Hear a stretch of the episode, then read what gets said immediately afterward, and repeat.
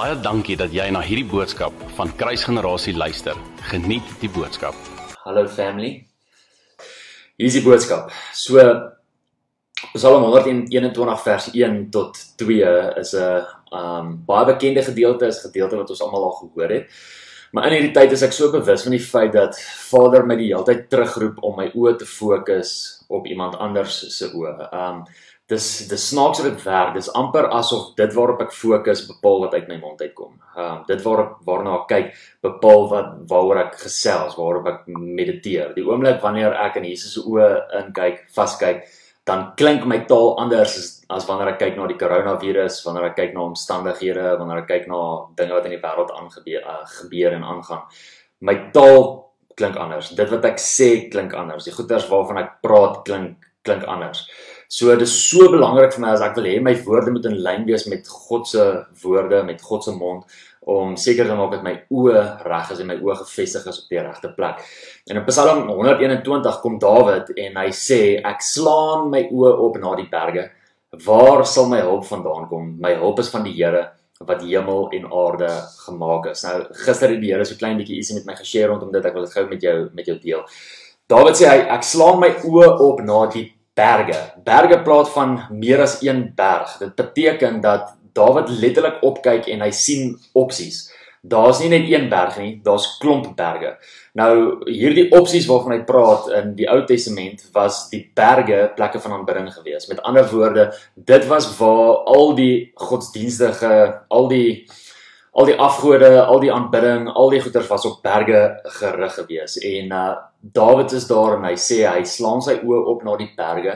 Hy kyk na al hierdie opsies, hy kyk na al hierdie tempels, hy kyk na al hierdie plekke van aanbidding en dan wonder hy by homself, as ek nou kyk na al hierdie plekke van aanbidding, al hierdie goed wat opgerig is vir verskillende gode, waar gaan my hulp vandaan kom?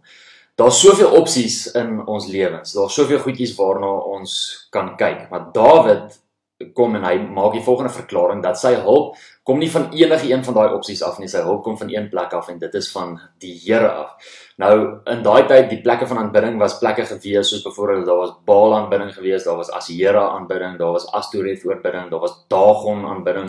Daar was soveel verskillende opsies gewees en terwyl Dawid kyk na sy probleme, terwyl Dawid um so oorweldig is met klomp goeters wat wat gebeur, weet hy dat hy moet hierdie iewers heen vat. Um dit wat teen hom kom moet hy iewers heen vat. Hy moet hy moet hierdie net by iemand uitkom wat wat hom gaan kan help. En daarom kyk hy na die berge. Hy kyk na al hierdie opsies. En terwyl hy na al hierdie opsies kyk, sien hy maar daar's letterlik net een plek. Al hierdie ander ouens, Baal, Dagon, Asheroth, Niemand gaan hom kan help nie, net God kan hom kan help. En daarom kies hy om te kan verklaar en om te sê, my hulp kom van die Here. En familie, ek wil jou bemoedig met die volgende. Nou waar jy is, is daar klomp verskillende opsies vir jou. Daar's klomp goeders wat jy kan kan kan doen. Daar's daar's baie plekke waartoe jy jou aanbidding kan vat. Ons almal worship iets, almal, almal in hierdie wêreld of jy nou 'n Christen is of jy nie 'n Christen is nie. Ons almal aanbid iets want ons almal bring ons affection na iets toe. Ons almal bring ons intimiteit na iets toe. Ons almal bring ons tyd, ons effort, ons passie, ons almal vat dit na na iets toe. Het sy dit is ons uh ander persone, het sy dit is ons werk, het sy dit is 'n titel, het sy dit is geld of ons besittings of wat ook al dit kan wees, ons almal vat ons aanbidding iewers heen. So daar's opsies. Dawid kyk na al hierdie opsies En terwyl hy na hierdie opsies kyk, is hierdie sy verklaring: My hulp kom van die Here, so dit is waartoe ek my aanbidding vat. Ek weet nie of jy al agtergekom het nie, maar ons almal vat ons vrees ook iewers heen. Ehm um, as ek 'n vrees het, dan vat ek my vrees iewers heen. Of ek gesels met 'n geliefde, of ek gesels met my huweliksmaat, of ek gesels met 'n vriend, of ek gesels dalk met 'n sielkundige, of ek probeer hierdie vrees self uitsorteer en ek probeer hierdie ding self self bewerk. Ons almal vat ons vrees iewers heen. Dawid het 'n vrees, daar's klomp goeters wat gebeur, daar's klomp goed wat teen hom kom, daar's klomp omstandighede, weer eens opsies. En terwyl hy na al hierdie opsies kyk, besef hy net hy moet hierdie vat na die Here toe. Hy vat sy vrese na die Here toe. En hierdie mee is waar jy wil bemoedig. Vat jou vrese, vat jou aanbidding, vat jou tyd, vat jou intimiteit, al jou keuses en al die goeders wat jy kan doen, vat dit na God toe. Hy is die een wat die moeite werd is rondom dit. Um die oomblik toe hy gekyk het na al hierdie berge en die oomblik toe hy gekyk het na al hierdie plekke waar hy kan aanbid, weet hy net in sy gemoed as gevolg van iets wat hy gevestig het. Onthou die plek Sion is die plek van aanbidding op die berge. So met ander woorde, hy kyk na al hierdie berge, hy kyk na al hierdie opsies. Daar's klomp plekke van aanbidding en Sion is een van hierdie plekke. En raai wie het Sion gevestig? Dawid het. Dit is so belangrik vir ons om ehm um, seker te maak dat ek 'n fondasie het van aanbidding dat wanneer daar tye kom wanneer ek hulp nodig het, wanneer daar tye kom waar wanneer ek my vrees na iets toe moet vat, my aanbidding na iets toe moet vat, dat ek 'n fondasie sal hê van waartoe ek dit al gevat het. Dawid kyk na al hierdie opsies en hy gaan terug na sy plek toe. Hy gaan terug na dit wat hy gevestig het. Hy gaan terug na Sion toe. En dit is so belangrik om 'n geskiedenis te maak saam met die Here binne mense binnekamer en om hom te aanbid. Familie, ek hoor soveel mense wat soveel goeters te sê het oor die ekonomie, oor alles wat gaan moet herstel word, oor um, mense wat negatief praat. En die enigste ding wat ek hoor in in dit, mense wat negatief praat, mense wat klomp goeters te sê het wat nie positief is nie. Al wat ek hoor is die volgende. Um vrees. En dit beteken vir my net die volgende. Dat jy baie lank laas jou oë gefestig op Jesus jy het baie lank lank in sy oë vasgekyk. Jy het baie lank lank jou oë gerig op die dinge wat reg is, die dinge wat waar is, die dinge wat lieflik is. Die oomblik wanneer ons kyk in sy oë in, die oomblik wanneer ons kyk in sy oë van vuur, dan kan ons maar rustig raak. En dan kan kom ons agter en ons besef hoe groot hy is. Dan kom ons agter hoe sterk hy is en kom ons agter wie my God is en ehm um, dat hy die God is van vrede. En die oomblik wanneer ons taal nie meer klink soos wat dit moet klink nie, dan beteken dit ons het ons fokus afgehaal. Ons kyk nie meer waar ons moet kyk nie. Ons is besig om ons oë te rig op ander dinge. En kom ons rig nie ons oë op na ander dinge nie. Die oomblik wanneer ons kyk na die berge, die oomblik wanneer ons al hierdie opsies sien, kom ons kies die regte opsie. Moenie die verkeerde opsie kies nie. Laaste skrifgedeelte, Psalm 25 vers 15. Weereens Dawid. Hoor wat sê Dawid. Hy sê: "My oë is altyd deur op die Here. Wel. Dawid het deur 'n paar tawe tye gegaan. As jy sy verhaal ken en sy lewe ken, dan sal jy weet. Um hulle sê hy was die beste koning gewees. Uh, hy was 'n man na God se hart gewees, maar hy het deur tawe tawe goeders gegaan. Mense wou hom doodgaan, doodmaak, sy eie familie wou hom doodmaak. Um, hy het self verkeerde foute gemaak en profete het gekom om teen hom geprofeteer en al hierdie goedjies.